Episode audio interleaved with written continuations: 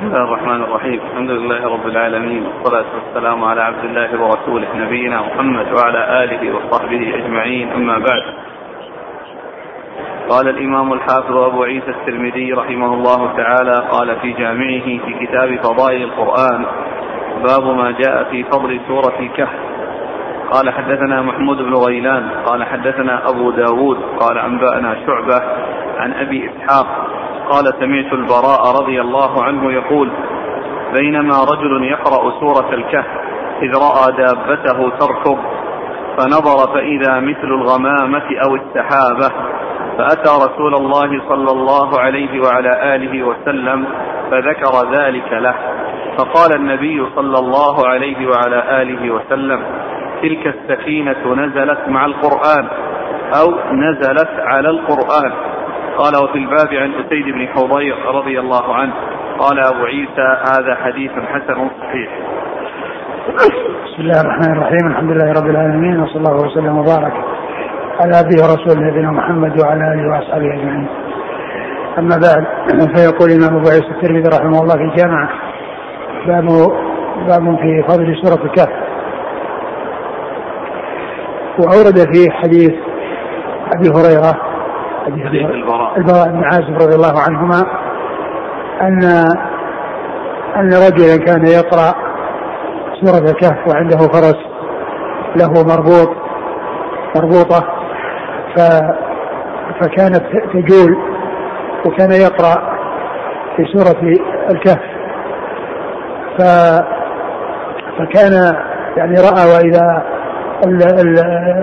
كالظلة يعني فوقه وكانت الفرس تتحرك بسبب هذا الذي حصل من وجود هذا الذي الذي هو كالظلة.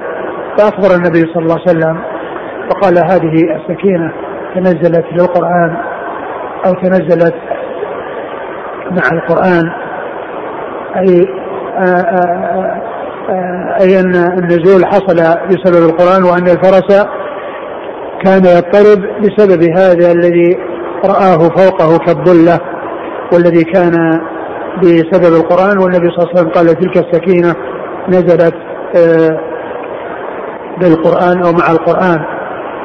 وقد جاء في بعض الروايات بعض الأحاديث أن الذي حصل له ذلك هو أسيد بن حضير رضي الله تعالى عنه كما جاء في الرواية عنه أن ذلك حصل له وأن فرسه كانت تضطرب وهي في يعني رباطها وفي شطنها وذلك بسبب هذا الذي حصل من نزول السكينة. وقد ذكر أهل العلم في السكينة أنها قيل أنها الهدوء والطمأنينة الذي يحصل بسبب القرآن وقيل إنه الملائكة التي تنزل لسماع القرآن. وقد جاء في حديث آخر عن النبي صلى الله عليه وسلم أنه قال وما اجتمع بيت في ما اجتمع قوم في بيت بيت الله يتلون كتاب الله ويتدارسون بينهم إلا نزلت عليهم السكينة وغشيتهم الرحمة وحفتهم الملائكة. وحفتهم الملائكة وذكرهم الله في من عنده. شوف إيش قال الشارع في في معاني السكينة.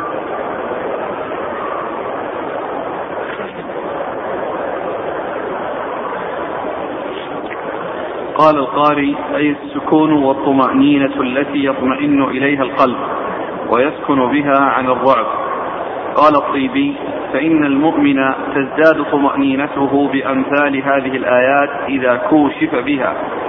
وقيل هي الرحمة وقيل الوقار وقيل ملائكة الرحمة. انتهى. وقال النووي المختار أنها شيء من المخلوقات فيه طمأنينة ورحمة ومعه الملائكة. نعم.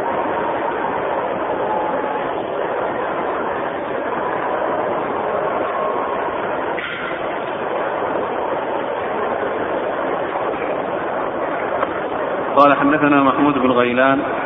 ثقة أخرج أصحاب الكتب الستة إلى أبا داود. عن أبي داود. وهو سليمان بن داود فيالسي ثقة أخرجه البخاري تعليقا ومسلم وأصحاب السنة. عن شعبة. شعبة بن الحجاج ثقة أخرج أصحاب الكتب الستة. عن أبي إسحاق. وهو عمرو بن عبد الله الهمداني السبيعي ثقة أخرج له أصحاب كتب الستة. عن عن البراء. بن عازب رضي الله عنهما أخرج له أصحاب كتب الستة. قال وفي الباب عن أسيد بن حضير. رضي الله عنه أخرج له. اصحاب الكتب. نعم.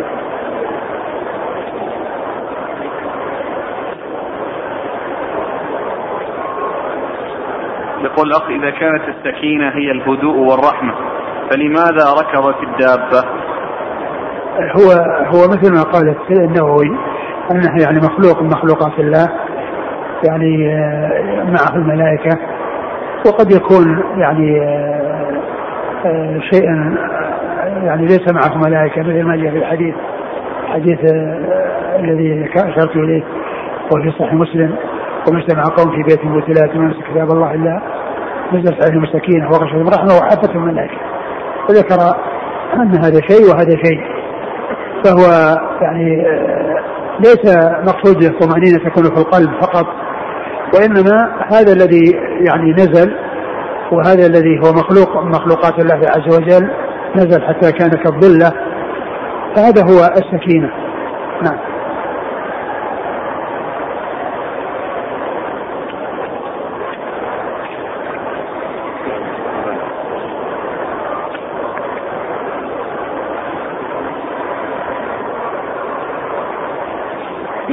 هل يعد هل يعد هذا فضيلة لهذا الصحابي؟ لا شك. هذا يعني فضيلة لهذا الصحابي. هل يمكن التعبير عن السكينة هنا بالروحانية؟ لا التعبيرات التعبيرات المحتملة التي هي حديثة ولها معاني يعني مختلفة ما يصلح أن يعبر بمثل هذا. قال حدثنا محمد بن بشار قال حدثنا محمد بن جعفر قال حدثنا شعبة عن قتادة عن سالم بن أبي الجعد عن معدان بن أبي طلحة عن أبي الدرداء رضي الله عنه عن النبي صلى الله عليه وعلى آله وسلم أنه قال من قرأ ثلاث آيات من أول الكهف عصم من فتنة الدجال قال حدثنا محمد بن بشار قال حدثنا معاذ بن هشام قال حدثني أبي عن قتادة بهذا الإسناد نحوه. قال أبو عيسى هذا حديث حسن صحيح. ثم أورد أبو عيسى هذا الحديث أنه من قرأ الثلاث الآيات من أول سورة الكهف عصم من فتنة الدجال. وجاء في بعض الأحاديث وهي بروايات آه، آه، متعددة و آه، أن أنه من حفظ عشر آيات من أول سورة الكهف يعني بدل الثلاث. ورواة يعني هذه الرواية أكثر. وأيضا آه، كونها تشتمل على ال ال يعني معاني متعددة فيها يعني قصة أصحاب الكهف وهي من آيات الله عز وجل التي يعني يكون من استقر في نفسه مثل هذه المعاني. فإنه لا يؤثر فيه الدجال عندما يأتي بالآيات وبالأشياء التي هي آه، فتن وهي امتحان وهي يظن أنها حق وليست بحق فإنه يعصم من فتنة الدجال.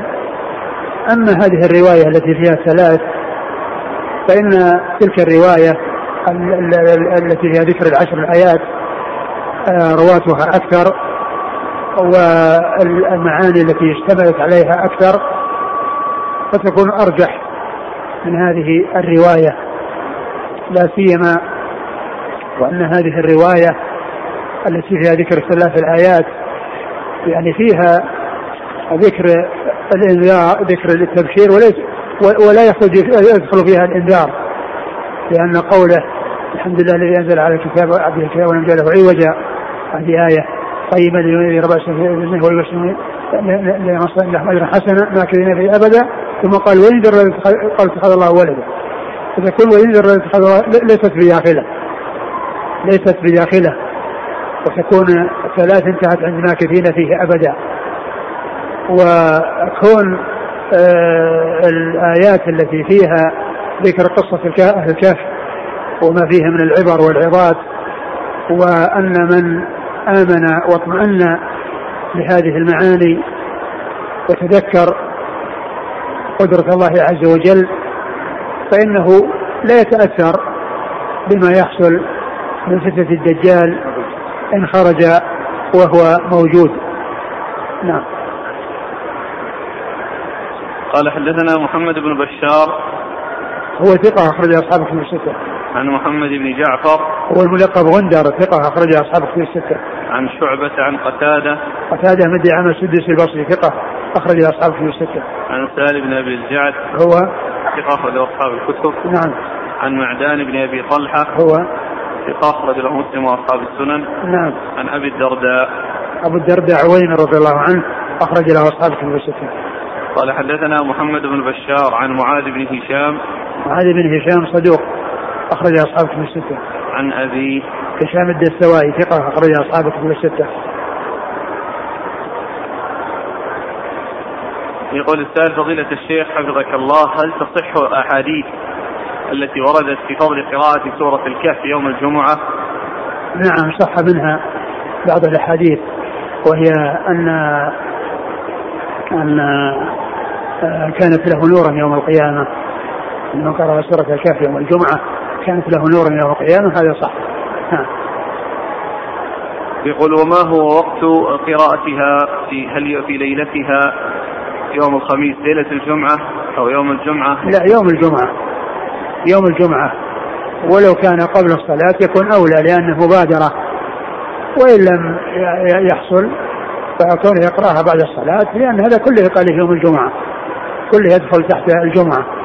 لكن كون الإنسان يبادر في أول النهار أولى من كونه يؤخر لأنه قد يحصل شواغل وعوائق إذا أخر إلى آخر النهار فيفوت عليه ذلك الخير.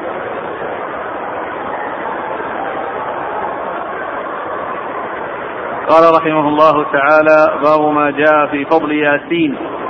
قال حدثنا قتيبة وسفيان بن وكيع قال حدثنا حميد بن عبد الرحمن الرؤاسي عن الحسن بن صالح عن هارون أبي محمد عن مقاتل بن حيان عن قتادة عن أنس رضي الله عنه أنه قال قال رسول قال النبي صلى الله عليه وعلى آله وسلم إن لكل شيء قلبا وقلب القرآن ياسين ومن قرأ ياسين كتب الله له بقراءتها قراءة القرآن عشر مرات. قال أبو عيسى هذا حديث غريب. لا نعرفه إلا من حديث حميد بن عبد الرحمن وبالبصرة لا يعرفون من حديث قتادة إلا من هذا الوجه. وهارون أبو محمد شيخ مجهول. قال حدثنا أبو موسى محمد بن المثنى قال حدثنا أحمد بن سعيد الدارمي قال حدثنا قتيبة عن حميد بن عبد الرحمن بهذا. وفي الباب عن أبي بكر الصديق رضي الله عنه ولا يصح من قبل إسناده إسناده ضعيف. ثم ورد أبو عيسى باب في فضل سورة ياسين. ورد في هذا الحديث أن أن أن سورة ياسين قلب القرآن وأن من قرأها فكأنما قرأ لكل شيء قلبا وقلب القرآن ياسين. ومن نعم. قرأ ياسين كتب الله له بقراءتها قراءة القرآن عشر مرات. نعم. لكل شيء قلب وقلب القرآن ياسين. ومن قرأها فكتب كتب الله له قراءة القرآن كل عشر مرات. الحديث ضعيف لم يثبت عن رسول الله صلى الله عليه وسلم. والقلب يعني يعني قيل هو هو الأصل. ولكن الحديث كما عرفنا لم يصح ولا سيما ما جاء في آخره أن من قرأها كأنما قرأ القرآن عشر مرات أو له يعني هذا الفضل قراءة القرآن عشر مرات. نعم. قال حدثنا قتيبة. قتيبة بن سعيد ثقة أخرج أصحاب الكتب الستة. وسفيان بن وكيع. هو صدوق ابتلي بوراقه وأدخل في حديثه ما ليس فنصح ولم ينتصح فترك حديثه. أخرج له. الترمذي بن ماجه. نعم. عن حميد بن عبد الرحمن الرؤاسي. هو؟ ثقة أخرج أصحاب الكتب. عن الحسن بن صالح. الحسن بن صالح هو؟ ثقة في المفرد ومسلم وأصحاب السنن. نعم. عن هارون أبي محمد. وهو مجهول. رجله الترمذي. نعم. عن مقاتل بن حيان. وهو؟ صدوق رجله مسلم وأصحاب السنن. نعم. عن قتادة عن أنس. نعم. قال هذا حديث غريب لا نعرفه إلا من حديث حميد بن عبد الرحمن وبالبصرة لا يعرفون من حديث قتادة إلا من هذا الوجه. يعني عن أنس. نعم. وهارون أبو محمد شيخ مجهول. نعم. قال حدثنا أبو موسى محمد بن المثنى. وهو ثقة أخرج أصحابه في ستة عن أحمد بن سعيد الدارمي وهو؟ ثقة أخرج أصحاب الكتب إلا النسائي. نعم. عن قتيبة عن حميد بن عبد الرحمن بهذا. نعم وهذا إسناد نازل لأن قتيبة من شيوخ الترمذي ومع ذلك هنا بينه وبينه واسطتان. يعني روى عنه بواسطتين. نعم. وهو في الإسناد الأول هو شيخه. شيخه في الإسناد الأول وهنا بينه وبينه واسطتان. نعم. وفي الباب عن أبي بكر الصديق ولا يصح من قبل إسناده. نعم. يعني حديث أبي بكر يعني لا يصح وكذلك حديث أنس هذا لا يصح.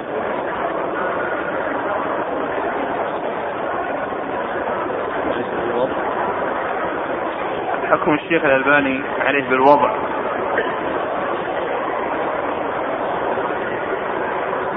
ما أدري يعني وش قضية الكون. يعني فيه هذا اللي هو هارون. وهارون مجهول.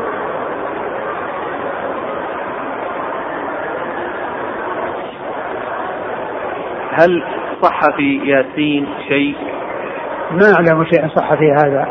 ورد فيها حديث اقرأوا على موتاكم ياسين. وهذا أيضا لم يصح. ولا يقرأ على الاموات شيء من القرآن. ولو صح هذا الحديث لكان محمولا على من قارب الموت على من قارب الموت وهو على قيد الحياة فإنه يفيده القرآن ويستفيد من قراءة القرآن. أما أن يقرأ عليه القرآن بعد موته فهذا ما صح فيه شيء. وإطلاق الشيء على ما يقاربه جاء يعني له أدلة. وهذا منه لأن قول موتاكم يعني لو صح الحديث فإنه يحمل على من قارب الموت ولم يمت. مثل قوله صلى الله عليه وسلم لقنوا موتاكم لا إله إلا الله فإنه من كان آخر كلام لا إله إلا الله دخل الجنة.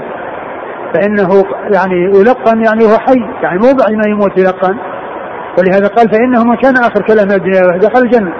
يعني يلقن حتى تكون آخر كلامه وأطلق عليه أنه ميت وهو لم يمت. ولكنه قارب الموت. فيطلق على ما قرب الشيء اسم الشيء. وكذلك أيضا مثل مثل ذلك الحديث الذي فيه المغرب وتر النهار. ومعلوم أن المغرب إنها في الليل ولكنه قريبة من النهار لأنها بعد الغروب الحد الفاصل بين الليل والنهار الغروب. وهي بعد الغروب مباشرة. فقيل لها وتر النهار وإن كانت ليست هي من صلوات النهار وإنما هي من صلاة الليل لأنها مقاربة للنهار. وكذلك الحديث الذي فيه شهر عيد لا ينقصان. ومعلوم أن عيد الفطر هو في شوال وليس في رمضان. ولكنه متصل برمضان وقريب من رمضان فيعطى الشيء اسم ما يقاربه. فالحديث غير صحيح. اقرأوا مع ألم وتاكم ياسين ولو صح لكان المقصود به الذي قارب الموت وليس الذي قد مات بالفعل. نعم. يقول ما حكم قراءة ياسين على المريض يقرأ يقرأ وينفخ عليه؟ ما نعلم شيء يعني يدل على خصوصها كونه يعني يقرأ بها. المريض يرقى بالقرآن لكن لا لا يخص شيء إلا وله دليل. لا يخص شيء أو يقصد شيء بخصوصه إلا وله دليل. مثل ما جاء في سورة الفاتحة فيها, فيها دليل. لكن سورة ياسين ما فيها دليل.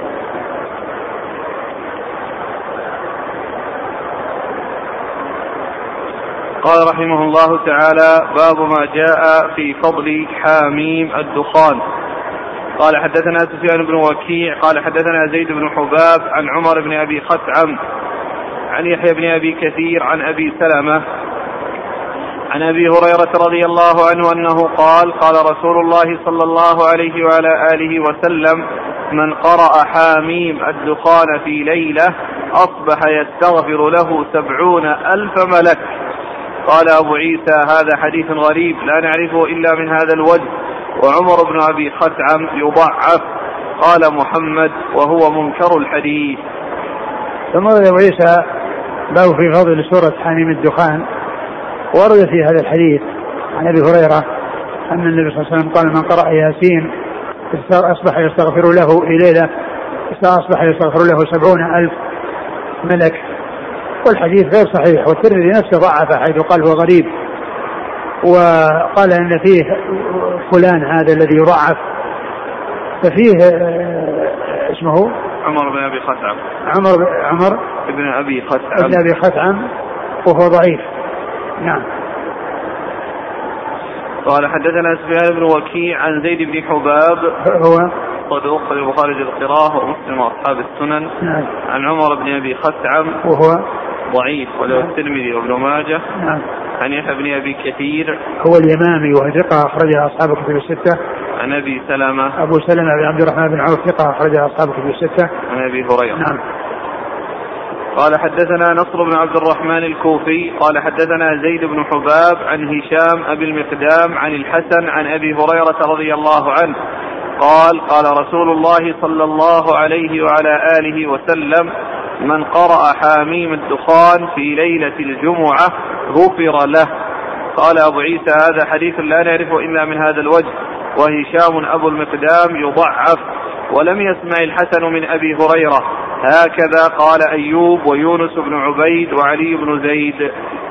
ثم ورد هذا الحديث من قرأ آه، سورة الدخان ليلة الجمعة غفر له. وهو يدل على فضل سورة الدخان لكنه غير صحيح وفيه علتان. أشار إليهما المصنف. آه، إحداهما كون الحسن لم يسمع من أبي هريرة أو في سماع من أبي هريرة خلاف. والثانية آه، من هو؟ هشام. هشام. أبو المقدام. هشام أبو المقدام نعم. قال حدثنا نصر بن عبد الرحمن الكوفي. هو؟ ثقة أخرجه الترمذي وابن ماجه. نعم. عن زيد بن حباب عن هشام أبي المقدام. وهو؟ مسروق أخرجه الترمذي وابن ماجه. نعم. عن الحسن عن أبي هريرة. الحسن بن أبي الحسن البصري ثقة أخرج أصحابه في الستة. نعم.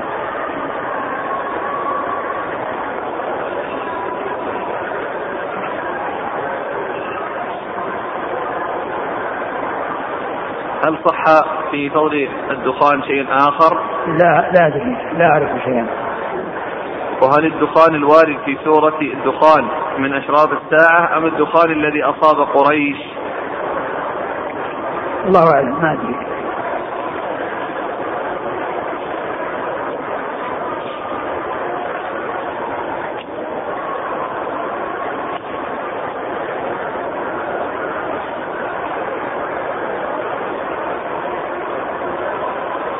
قال رحمه الله تعالى باب ما جاء في فضل سورة الملك. قال حدثنا محمد بن عبد الملك بن أبي الشوارب. قال حدثنا يحيى بن عمرو بن مالك النكري عن أبيه عن أبي الجوزاء عن ابن عباس رضي الله عنهما أنه قال ضرب بعض أصحاب النبي صلى الله عليه وآله وسلم قباءه على قبر وهو لا يحسب أنه قبر. فإذا فيه إنسان يقرأ سورة تبارك الذي بيده الملك حتى ختمها فأتى النبي صلى الله عليه وسلم فقال يا رسول الله إني ضربت خبائي على قبر وأنا لا أحسب أنه قبر. فإذا فيه إنسان يقرأ سورة تبارك تبارك الملك حتى ختمها فقال رسول الله صلى الله عليه وسلم هي المانعة هي المنجية تنجيه من عذاب القبر. قال أبو عيسى هذا حديث حسن غريب من هذا الوجه وفي الباب عن أبي هريرة رضي الله عنه. ثم ورد أبو عيسى هذه الترجمة باب في فضل سورة الملك. ورد في هذا الحديث أن رجلا من أصحاب النبي أن, أن رجلا آه، ضرب خباءه والخباء هو الخيمة على مكان لا ما كان يظن أن فيه قبر ولكن تبين أن فيه رجل مقبور وأنه كان يسمع قراءة سورة الملك من أولها إلى آخرها. فأخبر بذلك رسول الله صلى الله عليه وسلم فقال هي المانعة هي المنجية من عذاب القبر. والحديث ضعيف لأن فيه يحيى بن عمرو وأما كلمة كونها المانعة من عذاب القبر جاء في حديث آخر صحح الشيخ الألباني إنها سوره الملك هي المانعه من عذاب القبر جاء في حديث غير هذا الحديث. وأما هذا الحديث الذي فيه هذه القصة وأن يعني هذا الخباء وضع على هذا المكان وتبين أن فيه قبر وأن صاحب هذا الخباء ما كان يعرف أن فيه قبر وأخبر النبي صلى الله عليه وسلم فقال هي المانعة المنجية من عذاب القبر فإن هذا جاء من طريق يحيى بن عمرو بن مالك النكري وهو ضعيف. نعم. قال حدثنا محمد بن عبد الملك بن أبي الشوارب. هو؟ صدوق رواه مسلم والترمذي والنسائي وابن ماجه. نعم. عن يحيى بن عمرو بن مالك النكري. وهو؟ ضعيف. نعم. الترمذي. نعم. عن أبيه. وهو صدوق. له أوهام وللبخاري نعم. فوق افعال العباد وأصحاب السنن. نعم. عن أبي الجوزاء. أبي الجوزاء هو أوس بن أوس بن عبد الله الربعي. وهو أخرجه أصحاب الكتب. نعم. عن ابن عباس. عبد الله بن عباس رضي الله عنهما أحد العبادلة. الأربعة هو أحد المكثرين من حديث رسول الله صلى الله عليه وسلم.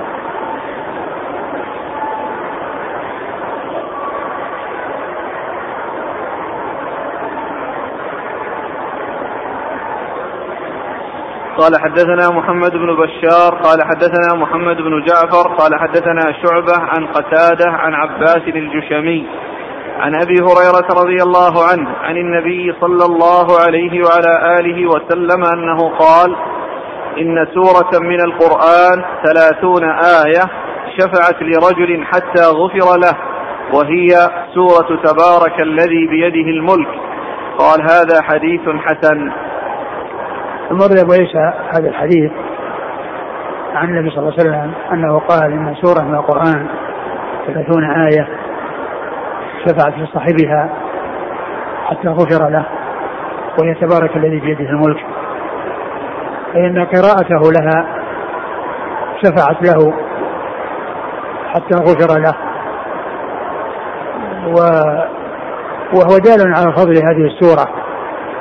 سورة تبارك الذي بيده الملك وأن قراءتها فيها هذا الفضل وأن ذلك يكون أو تحصل به الشفاعة لمن تحصل منه قراءتها فهو دال على فضل هذه السورة. نعم.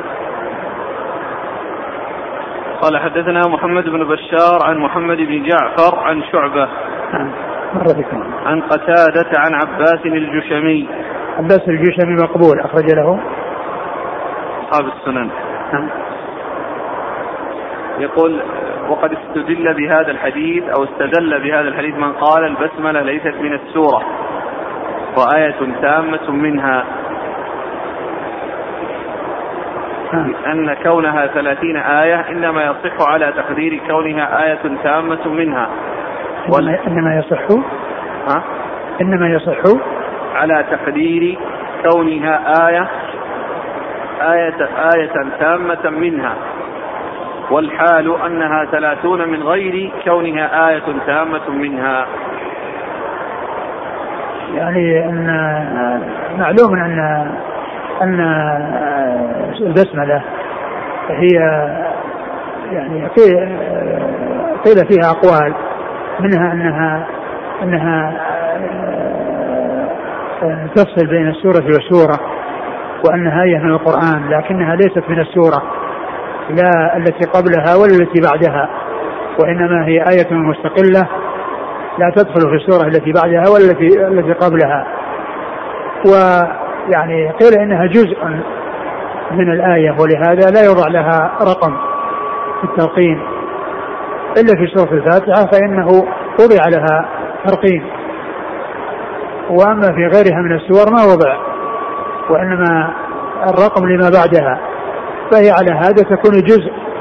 إذا كانت ليست آية مستقلة ليست من السورة فإنها تكون جزء من آية وليست آية مستقلة. والسورة فيها ثلاثون آية بدون بسم الله الرحمن الرحيم. على اعتبارها منفصلة. وأما إذا كانت أنها جزء من آية فإذا هي داخلة تحت الآية أو ضمن الآية التي بعدها.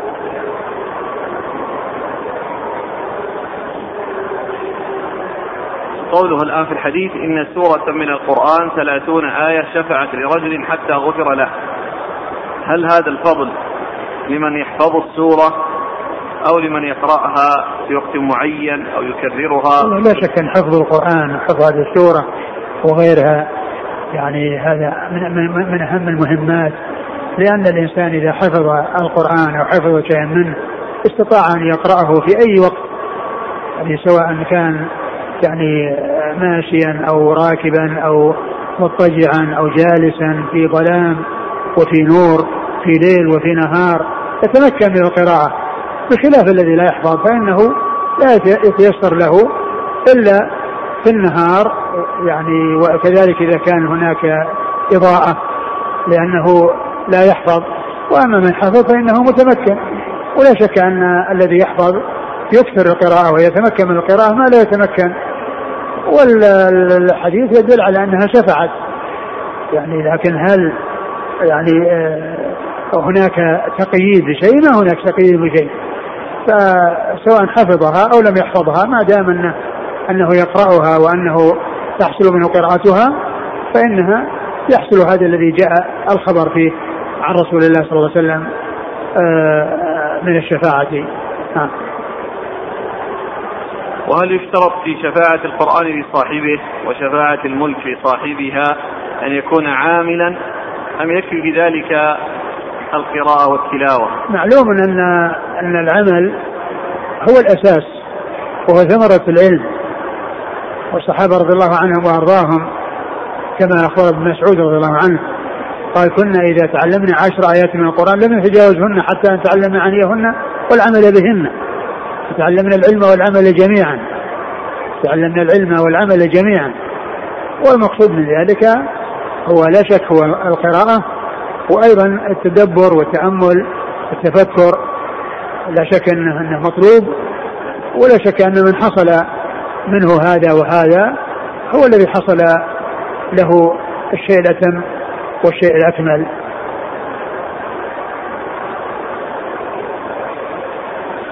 قال حدثنا هريم بن مسعر الترمذي قال حدثنا الفضيل بن عياض عن ليث عن أبي الزبير عن جابر رضي الله عنه أن النبي صلى الله عليه وسلم كان لا ينام حتى يقرأ ألف لام ميم تنزيل وتبارك الذي بيده الملك.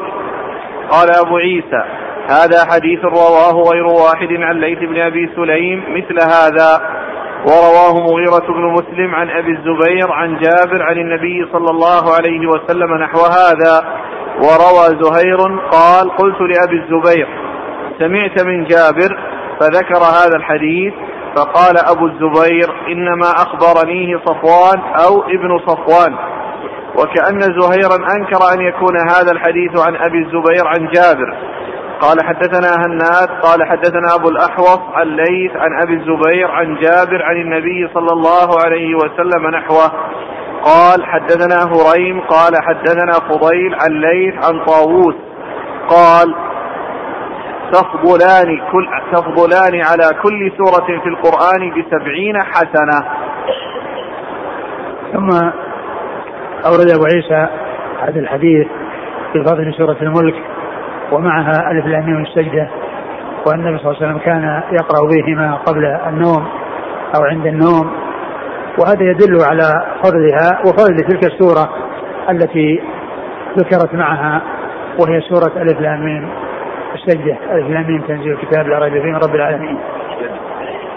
وهو دال على فضل هذه السورة مع السورة الأخرى. نعم. قال حدثنا هريم بن مسعر الترمذي. وكلمة كان يعني تدل على الدوام. وتأتي أحيانا لا يراد بها الدوام والاستمرار كما جاء في حديث عائشة رضي الله عنها قالت كنت أطيب رسول الله صلى الله عليه وسلم لإحرامه قبل أن يحرم ولحله قبل أن يطوف بالبيت. فقولها ولحله قبل أن يطوف البيت الحج ما حصل من رسول الله صلى الله عليه وسلم إلا مرة واحدة فهو لم يتكرر كونها تطيبه لحله قبل أن يطوف بالبيت يعني في الحج. لأنه لم يحج إلا مرة واحدة. قالوا فهذا يدل على أن كان كما أنها تأتي للاستمرار وللتكرار فإنها تأتي للمرة الواحدة ولعدم التكرار. قول عائشة كنت أطيب رسول الله صلى الله عليه وسلم لإحرامه قبل أن يحرم ولحله قبل أن يطوف بالبيت. كلمة لإحرامه قبل أن يحرم هذه أمرها واسع لأن الرسول صلى الله عليه وسلم كان اعتمر عدة عمر و ولكن قول ولحله قبل أن يطوف البيت هذا هو الذي فيه عدم التكرار. لأن الرسول صلى الله عليه وسلم ما حج إلا مرة واحدة صلوات الله وسلامه وبركاته عليه.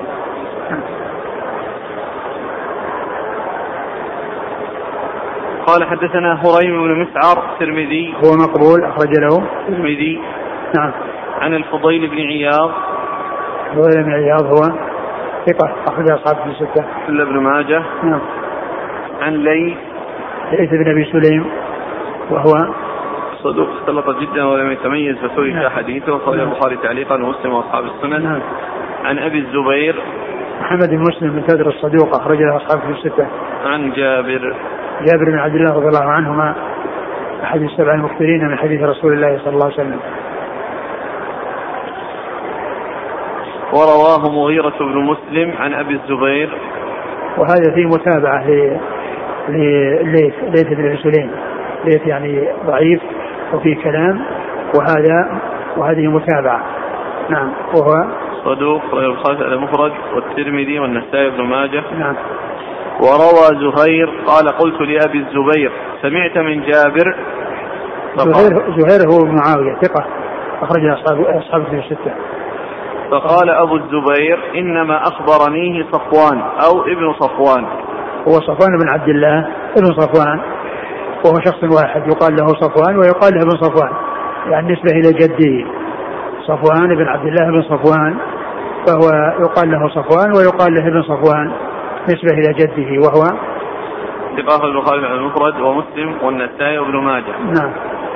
وكأن زهيرا أنكر أن يكون هذا الحديث عن أبي الزبير عن جابر. قال حدثنا هناد. هناد بن السري ثقة. أخرج له البخاري في واقع العباد ومسلم وأصحاب السنة. عن أبي الأحوص. وهذه طريقة أخرى لأن الطريقة الأولى فيها فرين وهو مقبول. وهذه فيها هناد بن السري وهو ثقة. وأبو الأحوص سلام بن سليم الحنفي ثقة. أخرج أصحاب كتب الستة. عن ليث عن أبي الزبير عن جابر نحوه. نعم. قال حدثنا هريم قال حدثنا فضيل عن ليث عن طاووس. طاووس بن كيسان. ثقة. أخرج أصحاب كتب الستة. قال تفضلان على كل سورة في القرآن بسبعين حسنة. هذا كلام آه، طاووس. وهو الإسناد إليه ضعيف. لأن فيه هريم وفيه ليث نعم.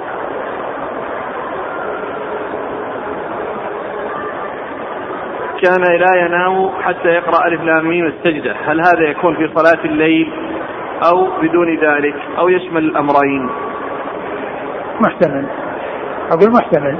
يعني أنه كان يقرأها بالليل أو أنه يقرأها يعني عند عند النوم وليس في صلاة.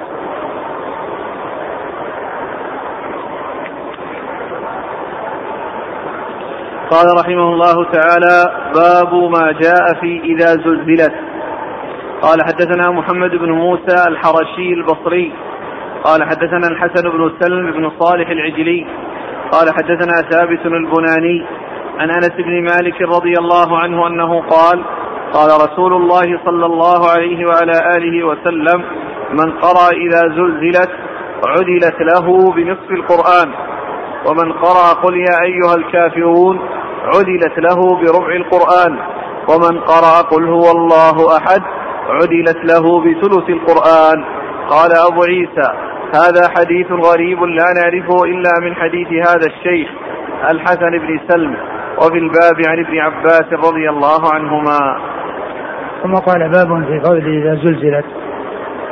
وأرد في هذا الحديث الذي فيه من قرأ سورة إذا زلزلت عدلت بنصف القرآن. فإنها تعدل نصف القرآن. والحديث في إسناده آه هذا الرجل الضعيف الذي هو الحسن. كيف؟ اسمه؟ الحسن بن سلم نعم صالح العجلي وكذلك الذي دونه. وشيء وش... نعم. تلميذه محمد بن نعم. موسى الحرشي. نعم. يعني في الحديث يعني غير ثابت. وأما ما يتعلق بقل يا أيها الكافرون وقل هو الله أحد فقد جاءت في احاديث أخرى يعني غير هذا الحديث. فاذا ما يتعلق بفضل إذا زلزلت يعني لا يدل على فضلها لأنه لم يثبت. وأما ما يتعلق بقل هو الله أحد وقل يا ايها الكافرون فقد جاء حديث أخرى تدل على هذا الفضل الذي جاء في هذا الحديث لها. نعم. قال حدثنا محمد بن موسى الحرشي. هو لين وله الترمذي والنسائي. نعم. عن الحسن بن سلم بن صالح العجلي. وهو ضعيف. مجهول أخرجه الترمذي. مجهول؟ نعم. نعم. عن ثابت البناني. ثابت بن أسلم البناني ثقة أخرج أصحابه في الستة. عن أنس رضي الله عنه خادم الرسول صلى الله عليه وسلم واحد المكثرين من حديثه. وهو رباعي. ولكن الأول والثاني آه ضعيفان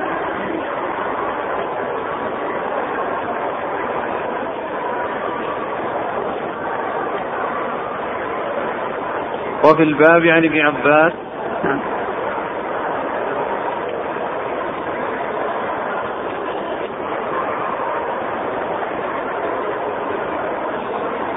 قال حدثنا علي بن حجر قال أخبرنا يزيد بن هارون قال أخبرنا يمان بن المغيرة العنزي قال حدثنا عطاء عن ابن عباس رضي الله عنهما قال قال رسول الله صلى الله عليه وسلم إذا زلزلت تعدل نصف القرآن وقل هو الله أحد تعدل ثلث القرآن وقل يا أيها الكافرون تعدل ربع القرآن قال أبو عيسى هذا حديث غريب لا نعرفه إلا من حديث يمان بن المغيرة وهذا مثل الحديث الذي قبله.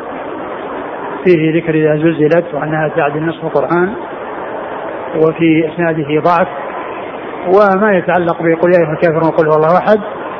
فقد جاء حديث أخرى تدل على صحة ما ذكر هنا من أن هذه تعدل الربع وهذه تعدل الثلث. نعم. قال حدثنا علي بن حجر. هو بن إياس السعدي ثقة أخرجه البخاري ومسلم والترمذي والنسائي. عن يزيد بن هارون وهو الواسطي ثقة أخرجها أصحاب الكتب الستة. عن يمان بن المغيرة وهو ضعيف. أخرجه الترمذي. نعم. عن عطاء عن ابن عباس. عطاء بن أبي رباح ثقة أخرجها أصحاب الكتب الستة.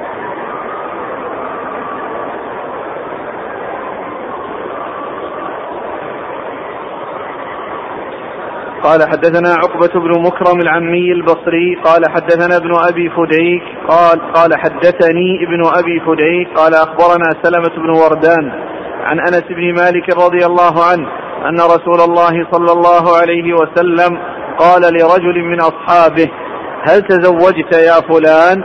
قال لا والله يا رسول الله ولا عندي ما أتزوج به. قال أليس معك؟ قل هو الله أحد. قال بلى قال ثلث القرآن قال أليس معك إذا جاء نصر الله والفتح؟ قال بلى قال ربع القرآن قال أليس معك قل يا أيها الكافرون؟ قال بلى قال ربع القرآن قال أليس معك إذا زلزلت الأرض؟ قال بلى قال ربع القرآن قال تزوج تزوج. قال أبو عيسى هذا حديث حسن. ثم ورد أبو عيسى هذا الحديث أن رجلا سأله النبي صلى الله عليه وسلم تزوج؟ فقال لا ما عندي ما أتزوج به. قال أليس معك؟ قل هو الله أحد. وقل يا أيها الكافرون وإذا جاء نصر الله وإذا زلزلت. فقال نعم. قال تزوج. أي يعني ويجعلها مهرا بمعنى أنه يعلم الزوجة يعني هذه السور وتكون يكون تعليمها إياها مهرا. مثل ما جاء في حديث سهل بن سعد في قصة الواهبة التي وهبت نفسها للرسول صلى الله عليه وسلم وقال رجل إن لم يكن لك رغبة فيها زوجنيها فقال هل عندك شيء؟ فقال لا قال اذهب والتمس ولو خاتما من حديد فجاء ولم يجد شيئا فقال أنه يحفظ كذا وكذا قد زوجتك بما معك من القرآن أي أنه يعلمها يعني شيئا من القرآن. يعني آه، فيه أنه يعلمها شيئا من القرآن ويتزوج. إذا كان ما عنده مهر وإنما يفيدها في تعليمها شيء من القرآن ويكون مهرا لها. ولكن الحديث فيه سلمة بن وردان وهو ضعيف. نعم. قال حدثنا عقبة بن مكرم هو ثقة أخرجه مسلم وأبو داود والترمذي وابن ماجه. نعم. عن ابن أبي فديك. وهو صدوق. رجل أصحاب الكتب. نعم. عن سلمة بن وردان. وهو ضعيف. البخاري بن المفرد والترمذي وابن ماجه. نعم. عن أنس بن مالك. نعم. يقول ألا تشهد هذه الأحاديث لبعضها فتتقوى؟ ويكون فضل الزلزلة حسن لغيره؟ لا لأنها لأن يعني بعضها فيه النص وبعضها فيه الربع وكلها فيها يعني هؤلاء الضعفاء. قال رحمه الله تعالى باب ما جاء في سورة الإخلاص. والله تعالى أعلم وصلى الله وسلم وبارك على عبده ورسوله نبينا محمد وعلى آله وأصحابه أجمعين. جزاكم الله خيرا وبارك الله فيكم. ألهمكم الله الصواب ووفقكم للحق. نفعنا الله بما سمعنا وغفر الله لنا ولكم وللمسلمين أجمعين. آمين.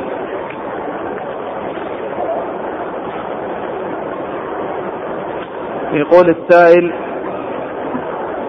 ما حكم الكحل الأسود للرجال؟ آه، الاكتحال. سائغ للرجال للرجال والنساء. لا سيما إذا كان المقصود به ال ال نفع البصر وتقوية البصر. فإن هذا مطلوب للرجال والنساء. نعم.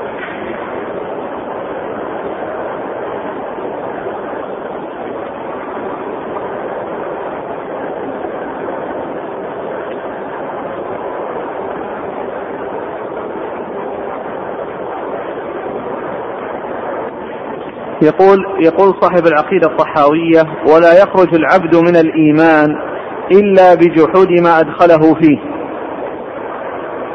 ويقول أيضا والإيمان هو الإقرار باللسان والتصديق بالجنان. فما معنى هذا؟ آه هذا على على على ما كان عليه أبو حنيفة من أن الإيمان عندهم هو الإقرار والاعتقاد أو التصديق. وأن الأعمال ليست داخلة في مسمى الإيمان الذي هو قول بعض الفقهاء. ولكن أهل السنة والجماعة عندهم أن الإيمان يتكون من ثلاثة أشياء الاعتقاد والقول والعمل. والأعمال داخلة في مسمى الإيمان. فهذا الذي ذكره الطحاوي على ما كان عليه أبو حنيفة من أن الاعتقاد أن الإيمان هو الاعتقاد والقول والأعمال ليست داخلة في مسمى الإيمان. العبارة الأولى ولا يخرج العبد من الإيمان إلا بجحود ما أدخله فيه. يعني آه، كونه جحد يعني شهد الله لا إله إلا محمد رسول الله هذا هو الذي دخل في الإسلام. فإذا أنكر شيئا من ذلك أو جحد شيئا من ذلك فإنه يخرج من الإسلام.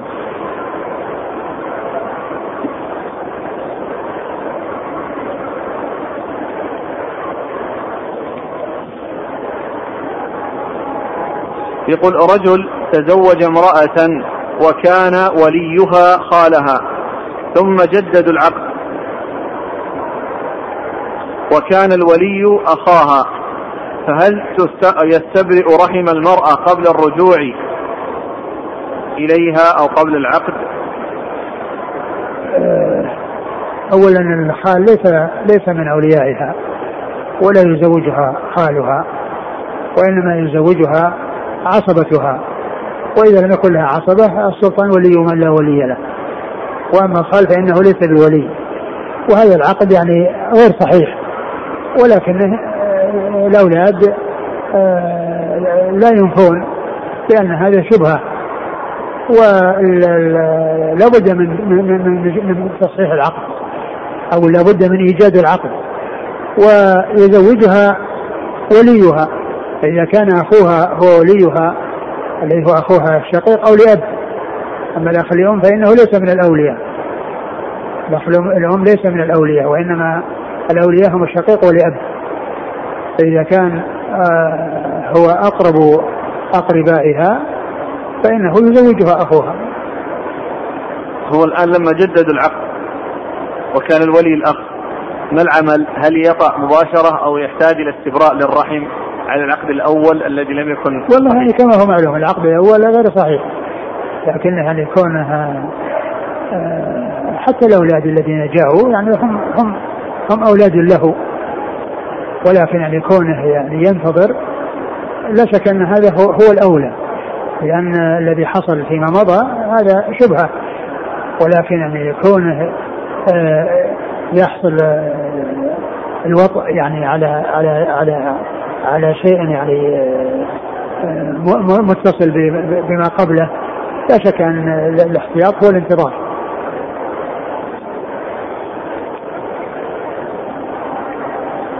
وهو يقول كذلك هذا الانتظار يكون قبل الرجوع إلى الزوج أو قبل العقد قبل تصحيح العقد كيف؟ هذا الاستبراء يعني قبل قبل قبل العقد يقول أنا قادم من بلد بعيد وأمي متوفاة ولم تعتمر.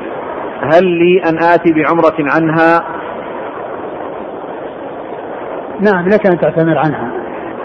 يعني إذا ذهبت من المدينة إلى مكة وكنت قد اعتمرت عن نفسك فيما مضى فلك أن تعتمر عنها. وهي متوفاة؟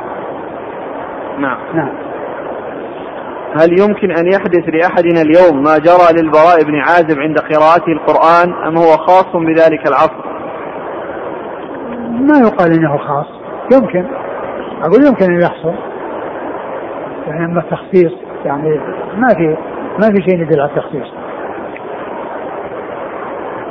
والحديث آه، العام الذي قال آه وما وما اجتمع قوم في بيت ملك الله يتلون كتاب الله ويدارسونه بينهم إلا نزلت عليهم السكينة وغشيتهم الرحمة وحفتهم الملائكة وذكرهم الله في من عنده. هذا عام.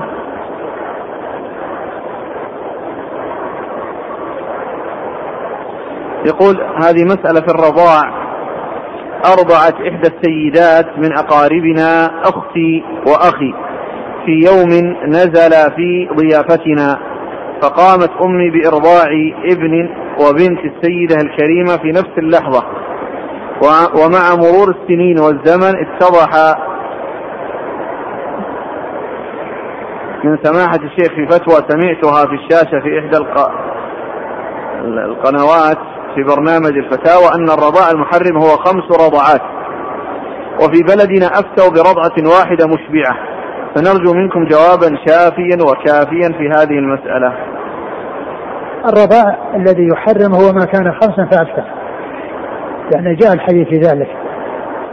يعني آه، أنها خمس رضعات وأما الرضعة الواحدة فإنها لا تحرم. لا الرضعة ولا الرضعتين ولا الثلاث ولا الأربع حتى تكون خمس. والرضعة الواحدة هي كون الطفل يمسك الثدي ثم يطلقه. فقد تكون الخمس في جلسة واحدة وقد تكون في جلسات متعددة. والرأة الواحدة التي تعد وتحسب هي كون الطفل يمسك الثدي ثم يطلقه سواء شبع ولا ما شبع المهم أنه مسكه ثم أطلقه فخمس من هذه الرضعات يحصل بها التحريم سواء كان في مجلس واحد أو في أو في مجالس متعددة. أما ما دون ذلك فإنه لا يحصل بالتحريم.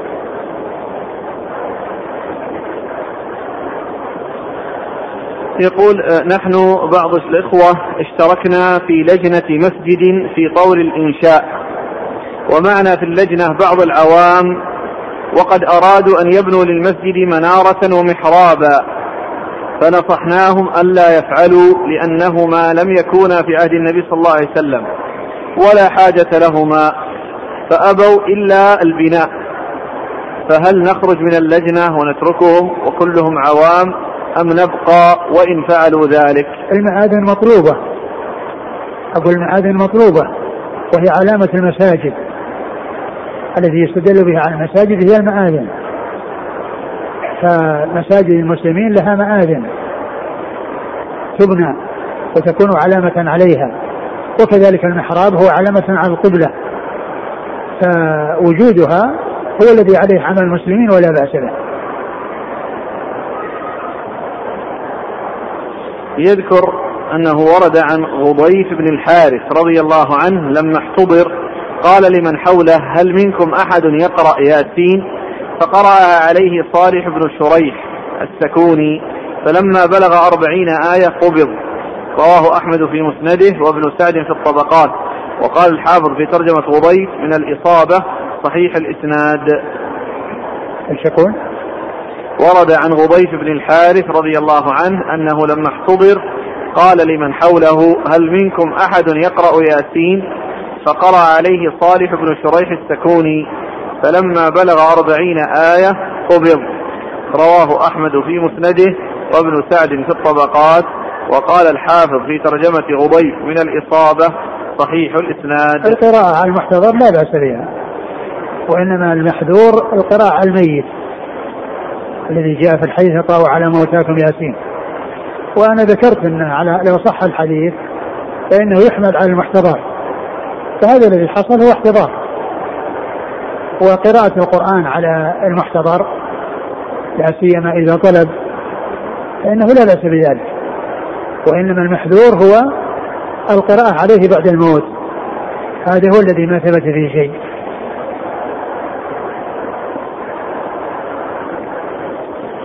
إذا نوى الشخص بأن كل ما أخرجه من صدقة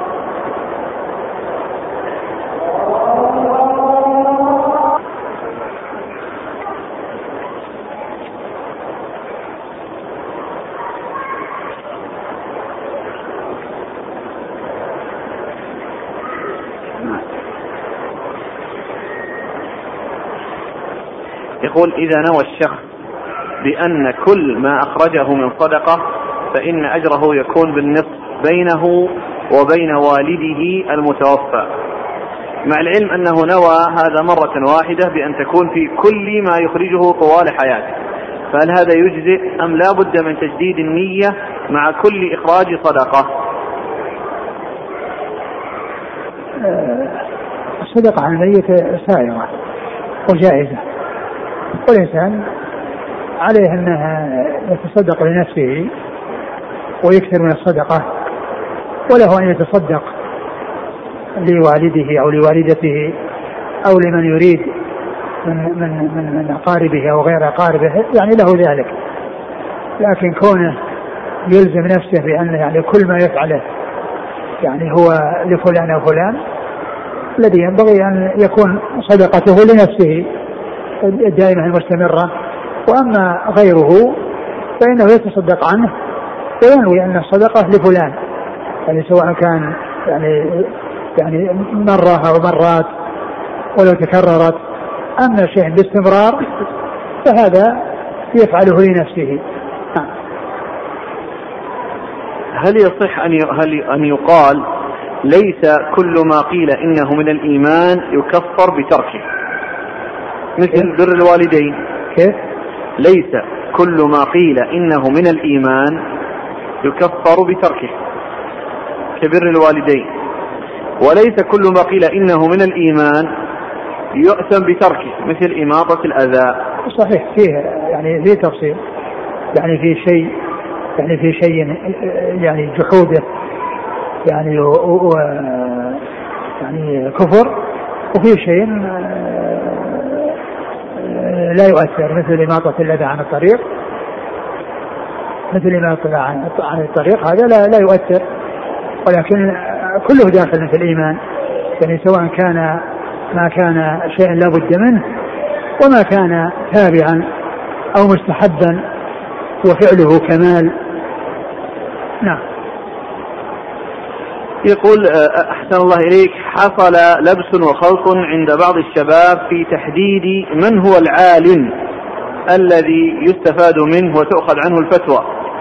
فنتج عن ذلك أن وضع من ليس بعالم من هو واعظ في مصاف العلماء وجهلوا المصدر في التلقي والتوجيه والتعليم. فنريد من شيخنا أن يحدد لنا, يحدد لنا من هو العالم وما هي صفاته. التي يستفاد منه وتؤخذ عنه الفتوى.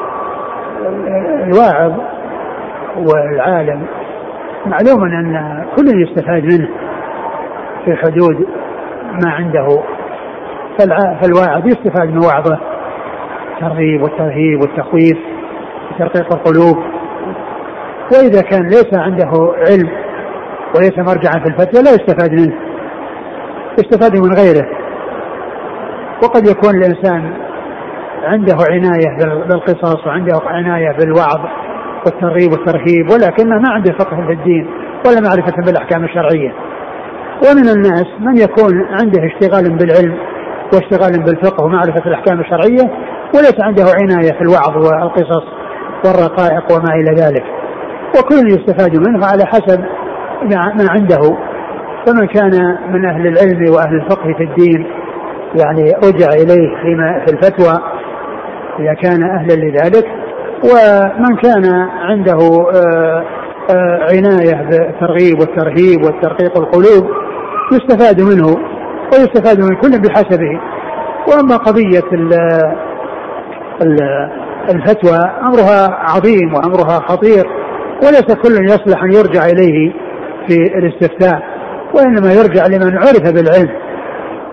مثل الشيخ ابن باز رحمة الله عليه وابن تيمين هؤلاء يعني علماء هم مرجع يرجع إليهم والناس يصدرون عنهم ويطمئنون إلى ما يصدر منهم. وأما يعني آه، من لم يكن عنده عناية بالعلم وبالفقه لا يرجع إليه. ومن المعلوم أن الآن يرجع إلى اللجنة الدائمة للبحوث العلمية والإفتاء والدعوة والإرشاد. وهي جهة معينة للفتوى فيرجع إليها آه، المستفتون معرفة الأحكام الشرعية ومن عرف بالفقه ومن عرف بالعلم فإنه أيضا كذلك يرجع إليه ويستفاد منه. هل جاء في الحديث بأن النبي صلى الله عليه وسلم قال للبراء أو لأسيد لو قرأت لنزلت الملائكة فصافحتكم في الطرقات فإذا كانت ثابتة فهل يفهم بأن الملائكة لا تنزل لأنها لو تنزلت وصافحتنا في الطرقات الآن؟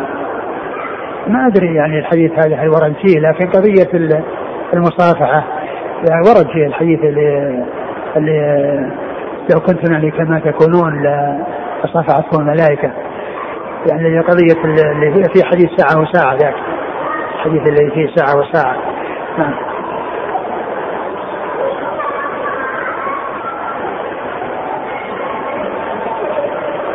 يقول سمعت بعض الشباب يقول إن أبا حنيفة رحمه الله من مرجئة الفقهاء فما تعليقكم؟ نعم هو من مرجئة الفقهاء الذين لا يدخلون العمل في مسلم الإيمان. نعم. جزاكم الله خيرا. سبحانك اللهم وبحمدك أشهد أن لا إله إلا أنت.